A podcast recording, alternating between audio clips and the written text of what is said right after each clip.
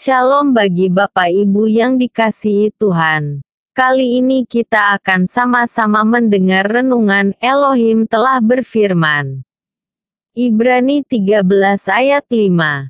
Kalau saja kita bisa memegang kata-kata itu dengan iman, kita memiliki di tangan kita senjata yang mengalahkan segalanya.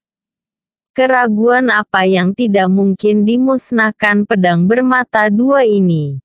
Ketakutan apa yang tidak akan jatuh terpukul dengan luka mematikan oleh panah yang ditembakkan busur perjanjian Elohim ini? Bukankah kesusahan hidup dan pedihnya kematian, kecemaran di dalam dan jerat di luar, ujian dari atas dan cobaan dari bawah? Akan terlihat seperti penderitaan ringan ketika kita bisa bersembunyi di bawah benteng. Elohim telah berfirman.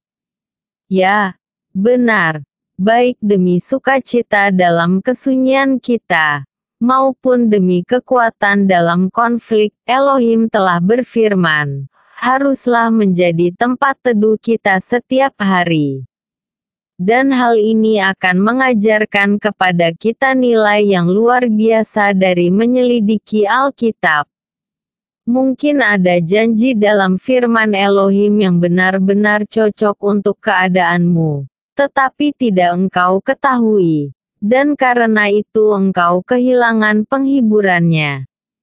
Engkau seperti seorang tawanan dalam penjara dan mungkin satu kunci di antara sekelompok kunci yang ada bisa membuka pintu, sehingga engkau bebas.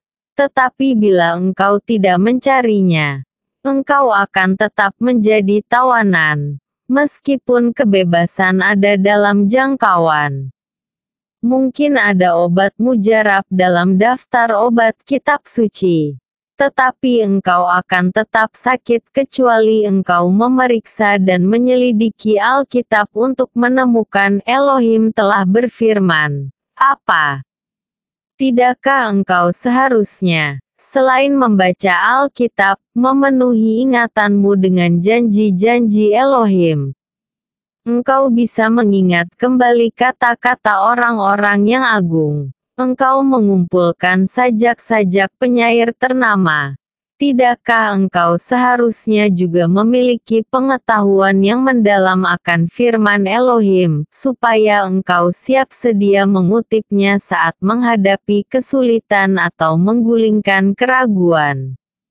Karena Elohim telah berfirman, merupakan sumber segala hikmat, dan air mancur segala penghiburan.